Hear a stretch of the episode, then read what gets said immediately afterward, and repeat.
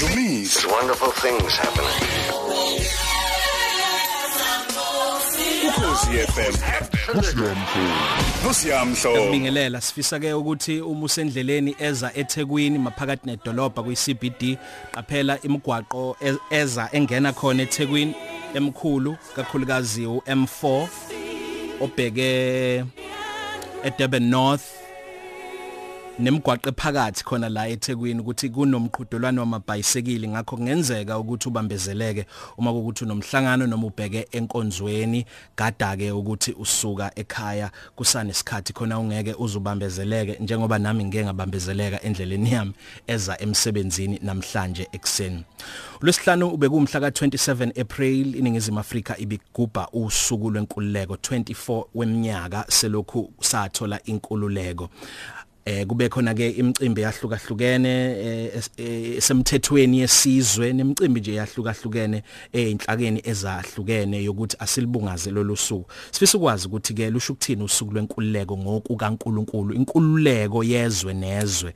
Ukukhululeka kwabantu kusho ukuthini kuNkulunkulu? Siyazi masifunda iBhayibheli ukuthi isizwe sakhe sikhethekile abantwana bakaIsrayeli bake bagqilazwa bayiswa ekuthunjweni beseGibhithe iseBabiloni bebehlezi eh, benezitha ezifuna ukuthi zibajivaze zibaphuca inkululeko yabo kuze kiwe empini. Ngabe uNkulunkulu uma sizoyibuka ngaleso sithombe seBhayibheli silethe la ezweni lakithi eningizimu aziningizimu Afrika. Nakwizwekazi iAfrika kusho ukuthini ukuthi singabantu sesikhululekile? Isihambeli sethu namhlanje. Sixoxa nompostoli uMusa Khwela eh, webandla Jesus Restores Ministries eBluff nenhlangano Jesus eh, Kingdom Institute. Sigcina kuba naye umpostoli uMusa Khwela bese kuyophela unyaka ka2017 yey badoda yalikhumbula lo lahlelo. Umpostoli lakho wawukhuluma ngezinto zabanhlanu owathi umuntu kumele ayisebenzise ukuze azozilola ezilolele umsebenzi wakhe awuphokophelele khona le eyangihlaba umxhwele empostoli wawukhuluma ngokuthi kwazi kuba nesikhathi nawe. Uyinkinga mawumuntu ungakwazi ukuhlala nawe ngaso sonke isikhathi usucinga ucingo lalingakhona uyofuna ama updates kwi social network. Uyabona? Sonke siyakujabulela ukuba nabanye abantu em iqiniso lithi babalekile abantu empilweni yethu ngoba khona iqhaza abanalo ekutheni basakhe ukuze sibe abantu abathize. Kodwa khona isikhathi la udinga khona ukuthi ube nawe ubhekane nezinto ezibhekene nawe. Eh bonke abanye abantu abangazi ukuthi udlula kuzona. Okufuneka nje ubhekane nazo uyibuke emehlweni zize zilunge. Ngoba ngisho ungahamba uyohlekila ngalonke nabo uzobuya zikulindile. Zingalunganga. So ke leyo kuhlala nawe is very important. Uh, you can't be lonely ukhona wena. So sasisho lokho. Siyabonga kakhulu umpostoli siyakubingelela. Sikwamukele emsakazweni ukhozi namhlanje njengoba sizokhuluma ngesihloko esibaluleke kangaka. Lwesihlanu esiphuma kulo mpostoli bekumhla ka27 April esilwazi njengosuku lwenkululeko inyanga yonke kaMbasa inyanga yenkululeko. Mhlawumbe ngiqale nje ngokukubuza ukuthi ngo 1994 mhla ka27 uyalikhumbula nalo lusuku em ngabe mhlambe wawusungenile emsebenzi kaNkuluNkulu waba namuzwa muni njengomuntu obizwe uNkulunkulu mawubona lesi sikhathi noma lenkathi iningizimu Afrika eyayingena kuyo? Kwaba khona ukujabula wawuzindla uthandaza yiphi imthandazo? Hey kwakuyisikhathi esasisihle kakhulu kwakuyisikhathi esa esafika ngokuthi sithokozele kakhulu abantu abaningi basezweni lakithi ngenxa yokuthi kwakuyisikhathi em esasikade silindelwe.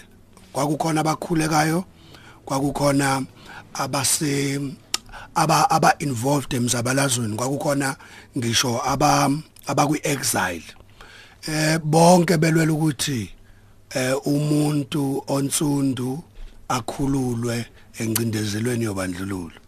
So ke ngalo ngalonyaka ngiyakhumbula ngimi kwi QA yinde ama queues ayemade ngaleso sikhathi because it was the first elections ugovernment ama logistic ama logistics engakawazi thatha ma kanjani. I think we stood in line for what 4 5 hours but sasingenankinga uh, we wanted to vote. Wawusuvela usumfundisi well ngangakabe umfundisi ngangizoba umfundisi 2 years later. Kodwa kwakwaziyo ukuthi uyashumayela?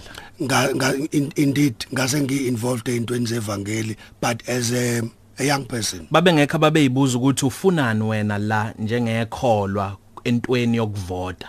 Kuyiqiniso ke kona ukuthi saba igeneration evota ngokuqinisela ngoba ngaleso sikhathi akubanga khona ukuqonda kuphelele kubazalwane ukuthi mhlambe okwethu kuthini uma ngabe isimo sesifika la. Savota nje ngokuqinisela thina ngoba njenge youth eh sasabantu asebezazi izinto eh sase sifundile izinto salandela ukuthi kuhamba kanjani. Nezwi lenkosi futhi uNkulunkulu weseqalile ukwavula amehlo ethu ukuthi silifunde silizwisise. And so sabona ukuthi eqinisweni uNkulunkulu njengoba sibeke emhlabeni nje akulona iphutha. Mumba umuntu ophila emhlabeni ejaha ukuphuma emhlabeni sengathi uNkulunkulu umbeke khona ngephutha. So asiqaphele lonto uNkulunkulu usilethe emhlabeni konke soyenza khona.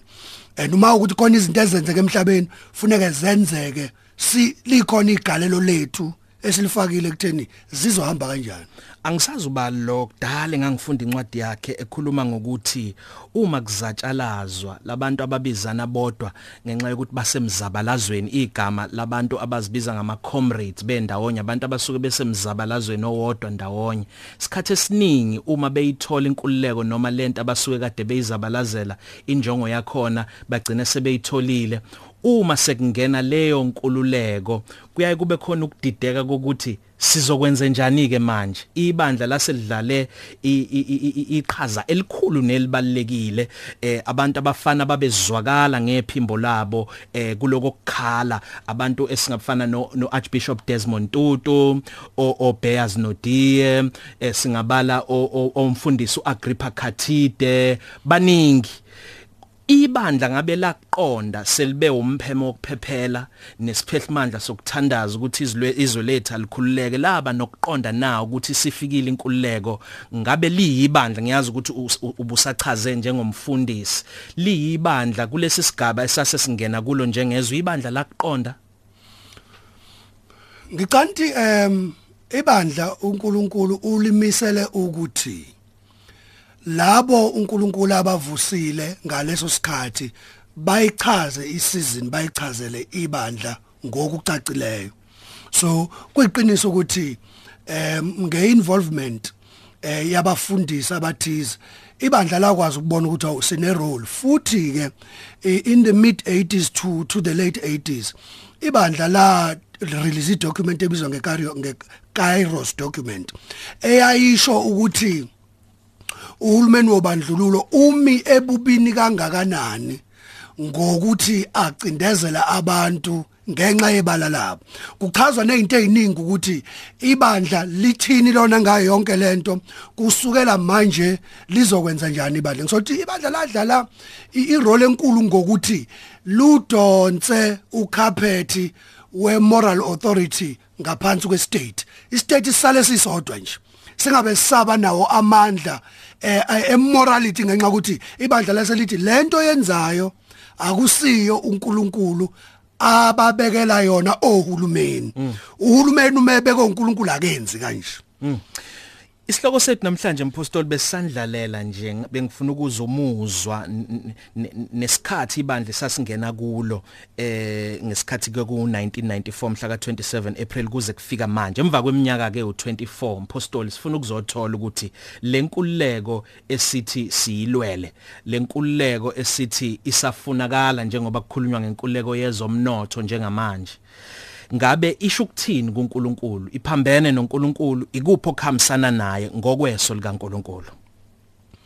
No uNkulunkulu u uthanda kakhulu abantu bakhe bakhululeke. Uzokhumbula ukuthi uNkulunkulu mangabe ehlangana noMose em uMose elusiza imvuzi kaJethro encwadini kaExodus. uNkulunkulu uyazethula kuMose behlangana esihlahleni esivuthayo kodwa singashi uthi uNkulunkulu ngiyuJehova eh uNkulunkulu kaAbraham uNkulunkulu kaIsaac uNkulunkulu kaJacob wenza nje understand umfana ukuthi ubani lo address ayokhuluma sethi uNkulunkulu eh ngehlile ukuthi ngizokhulula abantu bami ngikuzula ukukhala kwabo. So uNkulunkulu usinakile isimo somuntu ukuthi nje ingabe khona into emhlalisa kabi empilweni. Futhi uNkulunkulu ubuholi ubuvusela ukulungisa izimo zabantu. Ngicela ukuyiphinda lona ubuholi ubuvusela ukulungisa izimo zabantu. Ubuholi obukhona obungalungisa izimo zabantu buphambene nentando kaNkuluNkulu. Ngoba abantu uNkulunkulu ukuthuma kubona ukuze nje wenze into eyodwa kubona ubayise endaweni engcono ubayise esimweni esingcono kunaleke sabakusona njengamanje. So uNkulunkulu inkululeko into ayithatha serious kakhulu. Njoba nje wathumela uMose kuyokhulula ulokuzana uIsrael eGibhithe. Leyanto ikuma levels amaningi. Number 1 uNkulunkulu uthi kuFaro khulula abantu bami ukuze bayongikhonza. So lonto iyakutshela ukuthi lapho inkululeko ihambisana futhi nenkululeko yokudumisa. Ngenxa njengoba beyigqila leGibhithe bakhonzisa uNkulunkulu abangebona ithombe kodwa futhi uNkulunkulu wefuna ukubakhipha ngaphansi kwepolitical system. Enengcindezelo in words kwaku politically kwaku spiritually kwaku economic ngoba uNkulunkulu mase bakhipha futhi wenza ukuthi amagibhithe abazwele abaphi igolide nesiliva. That was economic freedom. So kulento nje kaIsrael ekhishwe eGibhithe kufakwe yonke inhlobo yenkululeko. That is freedom from from slavery ukuthi umuntu angasebenzi ngaphansi kwama conditions angemahle. Inhlobo yenkululeko leyo ukuthi nje isebenza kwa labor unkululeko yokukhonza uNkulunkulu ungakhonzisa into ongayifuni. Freedom of religion and worship. Inkululeko yokuthi umuntu aphume osizini. Freedom that is the economic freedom. Inkululeko yokuthi baphume ngaphansi kwerulership kaFaro that is political freedom.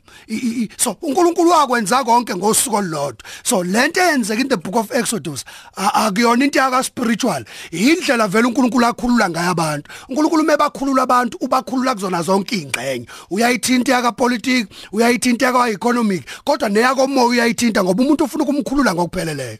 Hmm. wayichaza umpostoli una umbuzo khona kuPaul ofisa ukuqhamuka nakho ngasithumelela i-email kwi-email address ethi mhlongo@sabc.co.za ufuna ke sisabalale nezwekazi Africa Mpostoli ke sibone izibonelo zamazwe nawo asehambe ibangana kwinkululeko. Singabala nje izwe laseGhana njengezwe lokuqala lathola inkululeko ukuthi uma ke sesiqhathanisa ngabe mhlambe zikhona izinto esingayibona eziyikhinsi kuthina ezikhombisa ukuthi cha sisangabantwana njenge ngezwe ungangikhohlwa ngikuNkulunkulu owakhipha ezweni lobugqilisho ukuthini leyo nto? Eh uNkulunkulu usuke ekhumbuza uIsrael em ukuthi ukhumbule ukuthi ngakususaphi ngoba ngakukhipha eGibhithe ngoba ngifuna ukuthi ube isizwe esingikhonzayo futhi esakhiwe ngendlela ethize engifuna ukuthi sakhiwe ngayo. Em le Gibhithe wawungena amalungelo le Gibhithe eh wawungelutho ungena nkulunkulu even though phela uNkulunkulu wayekhona but babe ngenalungelo lokumkhonza because most of the time isikhathi sasidliwa ubugqila babekubo and um ngiyayifuna ukuthi si si mase sisalapho nje njomane. Em inkululeko nje mana khona la kufuneka ukuthi isetshenzwe indaba yayo izifike la umuntu because umuntu njomani khona inhlobo ezu2 zabantu um em oqala onesikhathi ukuthi unaso ngenxa ukuthi akanalutho alwenzayo. So isikhathi salowa muntu salowo muntu si there is an oversupply of time. There's a surplus. So that is why ume uqashwa kugcina kuthiwe eh ngizokunikeza u4 rand enza lento eh, noma abuzwe kuthiwa lento ungangenzela malini? Athi noma ingamalini? Uya understand naye ukuthi une surplus yesikhathi and yonke into mayiku surplus iba cheap price yayo. It's an economic principle. So umuntu onesikhathi esiningi vele isikhathi sakhe amukho sivele uyishayo noma uthi uzolekelela umuntu uhalela ukukhokhela imali encane ngoba uyabona uzolekelela vele ngoba isikhathi sakho siningi. Bese bakhona umuntu wesibili nje mane oseqashekile kodwa useqasheke ngalendlela ukuthi akasenaso ke isikhathi. Nhlobo nje akasenaso. Now words um ihambisana nani lento nje manje ihambisana noma nama Efeso chapter 5 lathi uNkulunkulu khona thengisisana isikhathi ngokuba insuku zimbi. Eh igama lesingisi elisetshenziswa lapho ukuthi thengisisana igama elisho ukuthi redeem. U redeem usho ukuthi buy back usho ukuthi uh, try to reown. Other words khona la isikhathi siflowa khona singasesona esakho sebesithengile abanye abantu. Kuukuthi nje uyaphila kodwa uphile esikhatini sakho. Uphile esikhatini sabanye abantu. Na wethu mawuvuka ufuna ube semsebenzini ngoba umlungu usuku ulithengile noma umqashi um, ulithengile usuku. Akulona olwakho uma kukuthi uzolwenza olwakho mhlambe ufuna utshela udokotela akulamulele ngencwadi ukuthi why uthatha isikhathi ongasona esakho wasebenzisa. Now ithi ke into yami inkululeko kufuneka umuntu simnikeze yona to a point la isikhathi esimbuyela ebe namandla okuthenga isikhathi inawo abe namandla okusithenga isikhathi hayi abe naso engekasenze lutho kodwa abe namandla ukuthi uyakwazi isikhathi ukusithenga ngikhumbula nje manje khona into ekixoxe la ukuthi khona umfana wakwafika kuyise eh uyise emnikeza imali yelokuzana ye lunch angayidli kuthe kusuka ngelilanga umfana wafika nesikhwama esigcwele imali eningana wayibeka etafuleni layise mm. wathi uyise hawu yini le?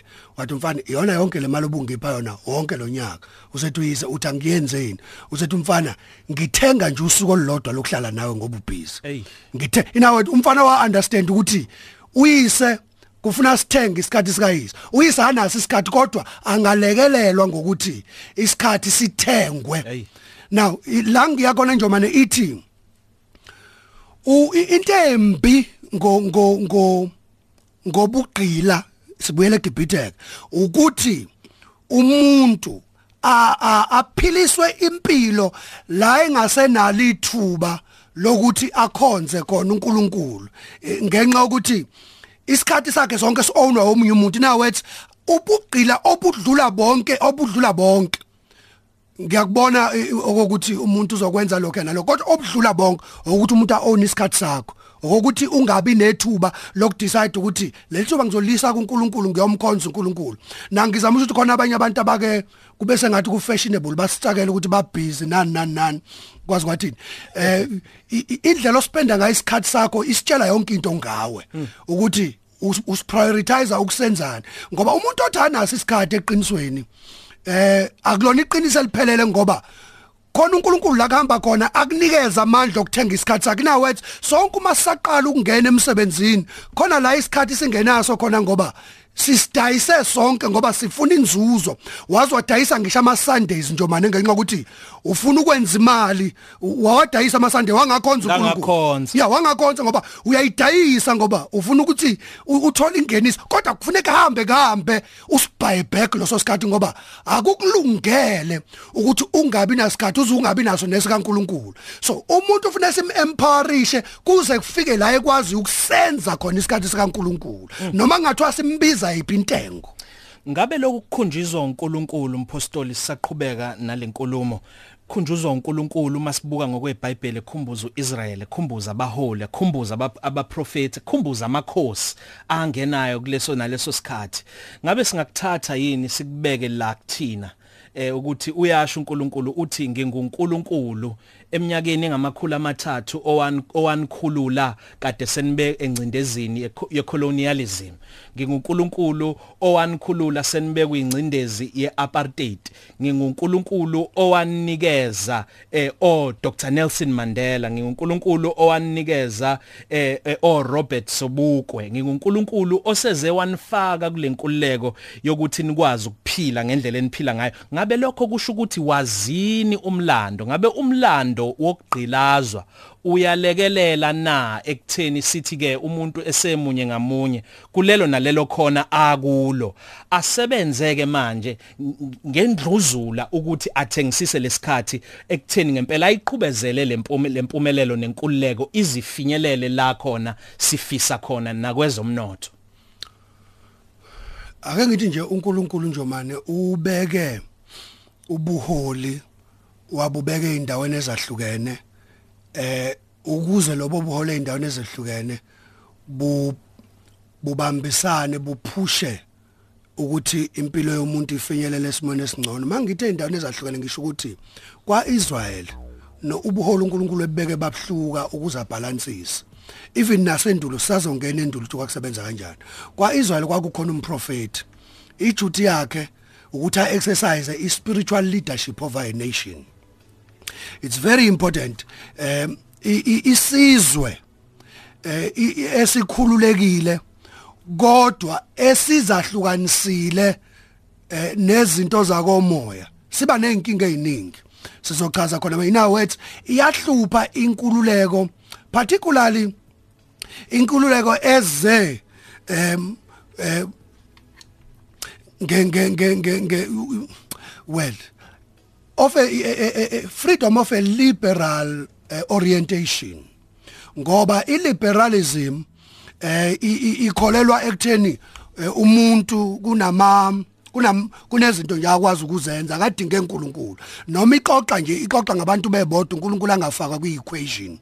Ukuthi nje cha njengoba sikhona nje la sonikana amalungelo nani nani kanti khona ezinye izinto ezicomplicated okufuneka sazi ukuthi ziyangena zama factors njengokuthi nje em singayi allocate yonke into according to constitutional principles. Yonke into simisa njengokusho komthetho sisekela kodwa ubani ozosakhela inhliziyo yabantu ukuze bakwazi ukuphila eh, kulezi zinto esizimisile ukuthi siyazifisa ngezwe lakithi now wet sike sithi sesimise yonke into yoniwe equality yomuntu othize. Esimbekile ukuthi ake uyosigadela lapha ake uyosigadela ina uNkulunkulu la ngena khona ke ukuthi uNkulunkulu kuthi kwakhiwa isizwe kwakhiwa yonke into kwakhiwa zonke ingxenye zikahulumeni kwakhiwa ama courts kwakhiwa zonke ingxenye zikahulumeni afike nazo kwakho umuntu ngqo. Lo muntu lo ozosebenza lo nto uNkulunkulu azokwakha yena ngqo. Ngoba imagine nje man kuyi risk engakanani ukuthi si si si siholwe umuntu esingazi ukuthi ithini into eoperator kuwina wet inkulu risk esiyithatha? Ngihlale ngisho mina ngithi eh, uma umfundisi ufuna ube very careful ngoba ukhuluma for an hour or 2 hours abantu bekulalele and kufuna uzigade mawulalelwa abantu for 2 hours. Zigade nje ukuthi okungcono qaphela ukuthi ukhuluma into eyiyona ngoba iserious into yokulalelwa for 2 hours. Abantu abaningi kangaka badele konke okwa iserious nje indaba ukuthi kuhlala abantu bakulalela ungabe uyithatha kancane lonto iserious lona. Siyibone kutheni uma ingane ikhula ekhaya la ingafundiswa khona into eright ikhula impilo yayo ibe lost kanganani lento nje ukuthi unabantu abakulalelayo funa uyithathe serious. And so even ngisho u umholi womphakathi ithuba lokuthi abantu bakulalela. Akulona ithuba ofuna ulithathe kancane lelo ngoba lento ukuthi uNkulunkulu ukunikeza ithuba lokuthi ulalelwe kufune ngempela mawukhuluma ukhuluma into isizwe sisaphambili into isizwe esiphilisayo. Now asibuyeleke lapha ekutheni bekukhona umprofeti umprofeti ijuti yakhe ukuthi izinto zonke zakomoya isizwe sizobhekana sobheka kuyi bese kuba khona inkosi. Inkosi izinto zonke zakwa politics zokubusa zibhekene nenkosi. Bese kuba khona umpriest.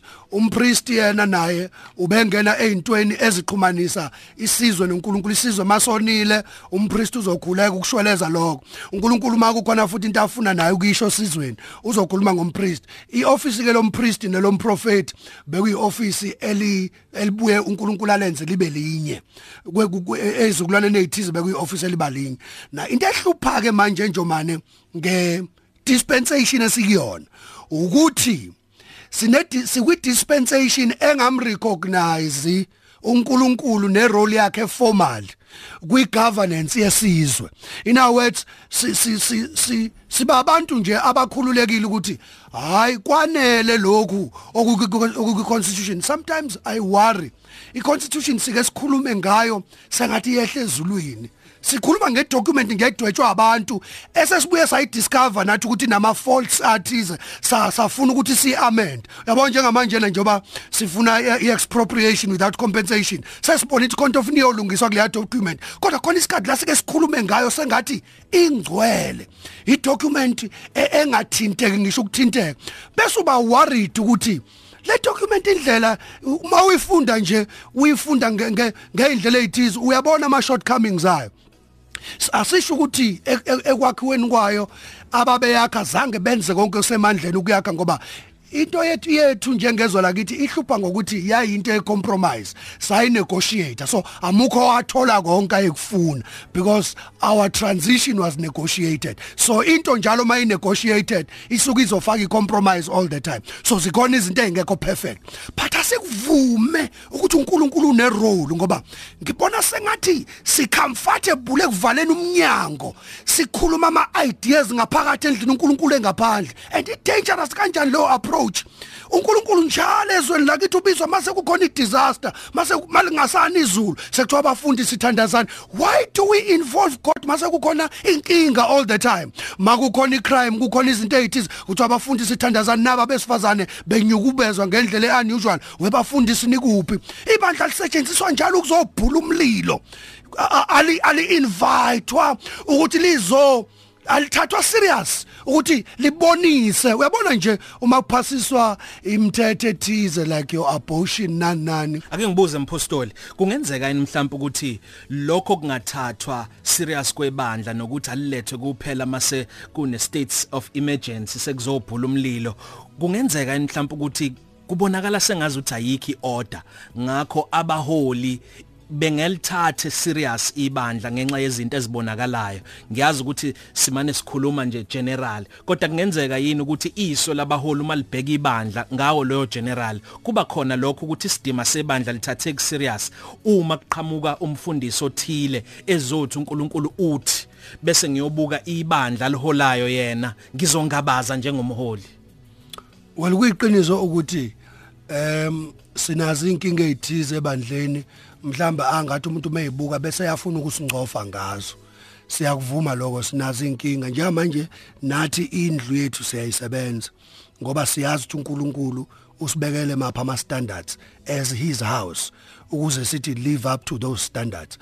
But akusho ukuthi uNkulunkulu akangalalelwa ngenxa ukuthi ama vessels awasebenzisile are imperfect akusho lokho. Ngale kwaloko ngaba silalela umuntu phela. Even ngisho abaholi bethu bezomphakathi ngaba bakwazi ukusi address uma ukuthi umuntu usi address on the basis ukuthi u perfect kangakanani ngaba salalela umuntu sizongalalelani makunjalo uyabona nje imindeni njengoba imile nje imindeni? Imili imindeni ubaba nomama baze bangcwatshe kube khona odlula emhlabeni bengahlukananga. Hayi ngenxa ukuthi bebehlale ngoba be perfect bayahlalisana ngoba khona izinto asebeyifundile ngomunye nomunye ukuthi okay ngiyayi understand leya ngxenye yakho ukuthi usayisebenza.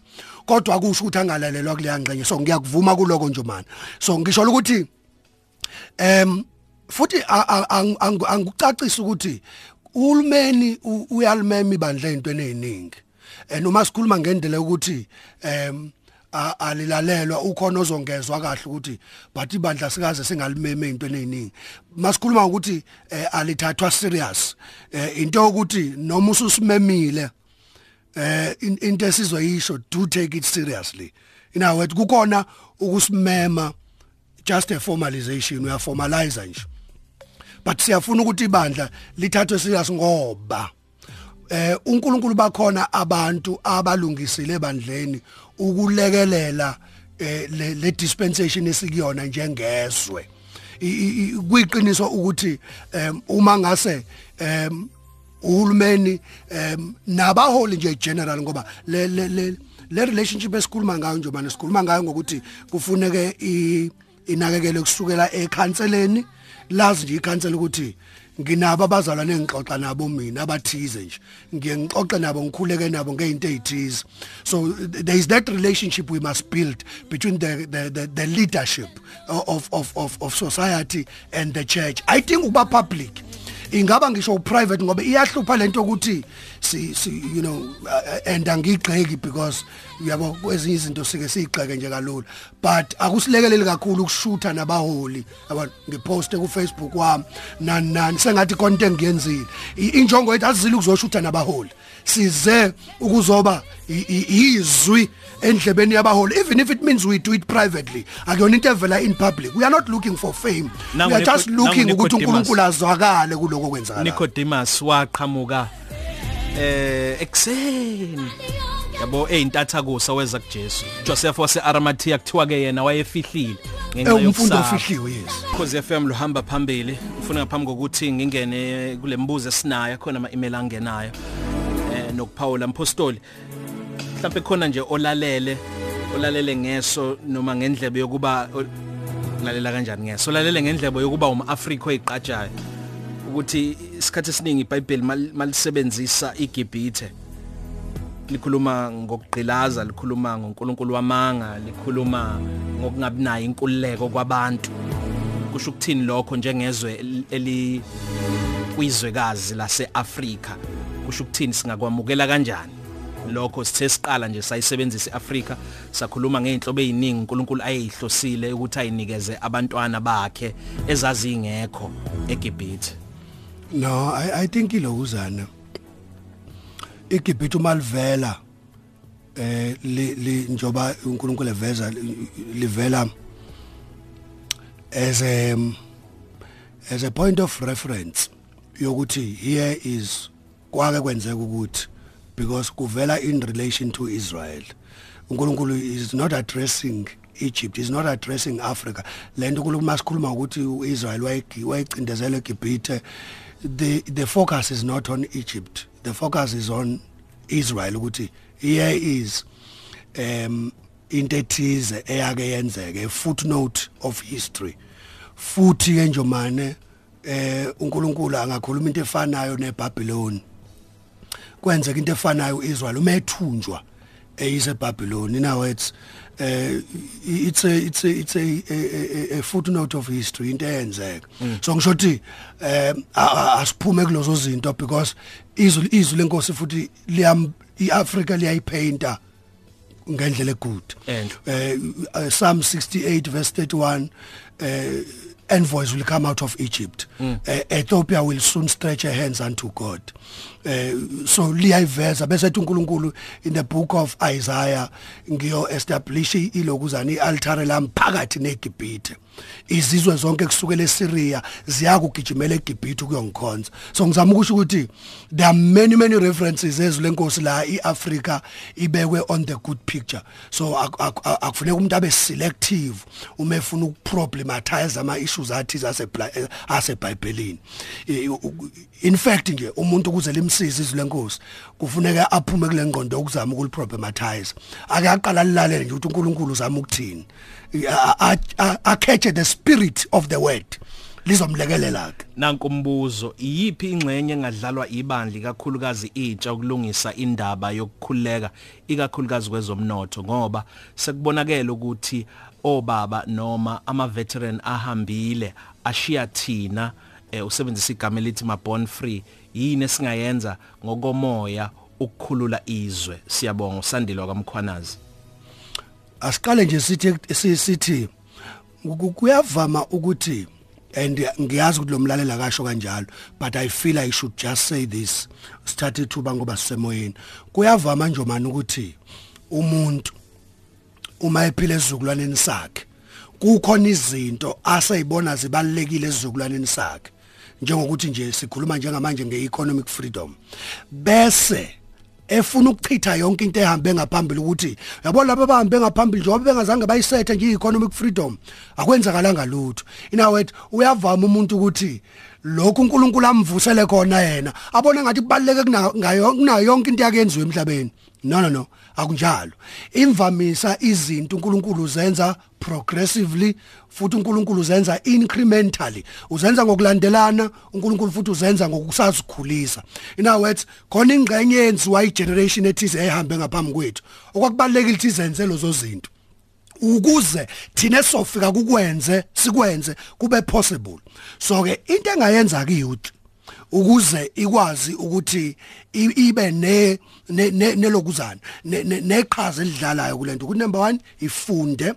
Uhulumeni usenze eh cishe decision ebaluleke kakhulu ukuthi kusukela ngalonyaka ama first years e university bathola uxhaso bafunde mahala that is huge. We can never underestimate that.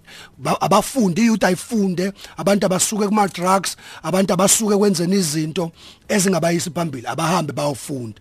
Number 2 iyouth ayikhonze.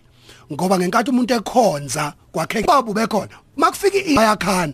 Umfana ubehamba nobaba wakhe baye ensimini bawobophela inkabi ngenkathi besensimini bayaxoxa bayakhana. Ubaba ubekhona makufika indasana umfana ubehamba nobaba wakhe baye ensimini bawobophela inkabi ngenkathi besensimini bayaxoxa bayakhana. Ubaba ubekhona makufika iindustrial umfana ubehamba nobaba wakhe baye ensimini bawobophela inkabi ngenkathi besensimini bayaxoxa bayakhana. Ubaba ubekhona makufika iindustrial umfana ubehamba nobaba wakhe baye ensimini bawobophela inkabi ngenkathi besensimini bayaxoxa bayakhana ubaba ubekhona makufika industrial age yabathatha abazali yabakhipha endlini yabayisa kwi marketplace abazali basakwazi ukusikhulisa ngenxa ukuthi babhizi nomsebenzi. Ibandla lingena lapho ukukuvala ispace esivulwe iindustrial age ekhaya. Ibandla ke lizovala leyo nto kwakhe character umuntu isimile. That is why angiunderstand indaba umuntu ongayiboni irole yebandla. Ngoba sizokhula sibe nomphakathi obroken. Sinabantu sibe nabantu ababroken esidinga ukuthi kodwa lo muntu lento ayenzile ayenza uyiqale kanjani? Kanti uyenziswa ukuthi ayizange ibe khona a social infrastructure ingalasizinda yomphakathi ukuthi imthwale imsize imakhe isimilo sakhe. Apostoli iagenda neagenda yezwe singasebenzisa nje eyodwa leyo kubuyiselwa komhlaba. Ebandleni iyabekwa. Uma ibekwa ikhulunywa kanjani? Ngabe nje uyikhuluma uyishumayela njengenjwayelo usepulpit noma ubiza imhlangano ethize yohlobo olithile iyakhulunywa nebandleni agenda yezwe? Eqinisweni ipolitical program kufuna idevelop out of a prophetic program. Funa ngabe kuhamba kanjalo eqinisweni.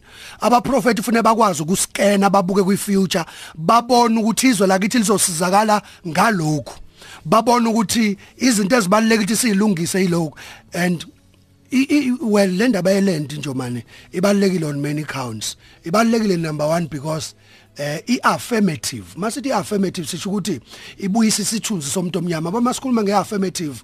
Program noma affirmative action sisho izinto ezithi kumuntu omnyama lo muntu esathi uye awuyena. Njoba sasithi awuyena umuntu nje uyisilwane sikutreatisa okwesilwane awuyena. Njama isesenza izinto ezikuaffirmayo ukuthi ufana nathi. So iaffirmative action ithi siyavuma ukuthi ungumuntu. So nalento yeland it is very affirmative. Izothi kumuntu omnyama yayingeke into ethi kufanele sikuthathele indawo ngoba you are lesser of a human.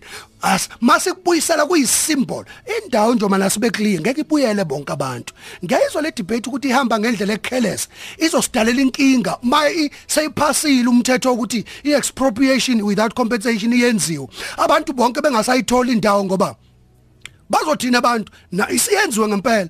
Umhlaba usubuyisiwe suddenly umuntu still uqhube uqhubekele ngokungabi nayo indawo ngoba indlela ekhulunywa ngayo inikeza impression ukuthi meke nje waphasa lo mthetho nombani uzovuka esebhema isigazi phezulu kwendawo yakhe aseyitholile. Akukho possible lokho.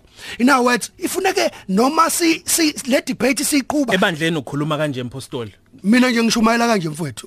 Lama issues siyawacover because uNkulunkulu uclear ngokuthi uAdam wamnikeza ingadi. uNkulunkulu wamnikeza iplot of land. uNkulunkulu uclear futhi encwadini kaLeviticus ukuthi eh ngiyomisa unyaka ka49 ube unyaka eh we we we jubilee njalo after 50 years umuntu okade ethathelwa indawo yakhe iyobuyiswa bamama ebuyiselwe kuyena. So uNkulunkulu uNkulunkulu we redress uNkulunkulu let yonke lento ye racism nani uNkulunkulu akayingeni. kuNkulunkulu abantu bayalingana umuntu wamukeleka kuNkulunkulu ngemisebenzi ayenzile hayi ngebala lakhe. Lithi izwe lenkosi uNkulunkulu akhethi buso bamuntu encwadini yezenzo. Ilona lo uyamukeleka kuye uma enza ukulunga. So kuNkulunkulu kunjalo nje manje besincane isikhathi mpostoli. Imniningwane yakho? Imniningwane yakho kapazi eh njengoba siyatholakala ku Facebook eh umusa khwela JRMI sikhona ku WhatsApp 0795893589 0795893589 uNkulunkulu akasibusise njengoba isikhathi besisifishane mfowethu. Njengompostoli njengompostoli isigaba esibheke kusona kule nkululeko. Ubona siyisiphi? I hope ukuthi uNkulunkulu asilekelele ngoba njengamanje izwe lakithi has been polarized racially. Um and that is not good for me. Ngibona ama races that are drifting away from each other. It is a worry. It's my observation ukuthi we should get leadership to talk on those issues. Kufuneka kube khona iprogram esikhuluma umlungu nomuntu omnyama bakwazi ukuyijoyina. Eh, ngoba ikhona uNkulunkulu into eh ayithi uma ibeka kumholi ayibeke ngalendlela ukuthi noma ngathi ubani oyizwayo uzokwazi ukuyilandela noma umhlophe noma umnyama. So ngifuna abaholi bethu bayibukisise lonto ukuthi la siya khona sidinga ukuya as a nation si united kuyiqinisa ukuthi eh we are still a country. We are not a nation yet. We are a country of many nations. And akuzosebenzela lokho going forward ngoba we must be a nation not a country of many nations. But sobuye sikhulume ngelilanga lelo. Apostle Musa Khwela Jesus Restores Ministries eBluff the Kingdom Institute inhlangano ke leyo Sibesincane isikhathi kodwa ngiyakuthembisa nanga uMay Africa Month. Uzobuya umpostoli sesizokhuluma eze Africa Indumiso ukhosi FM Nkosi yamhlongo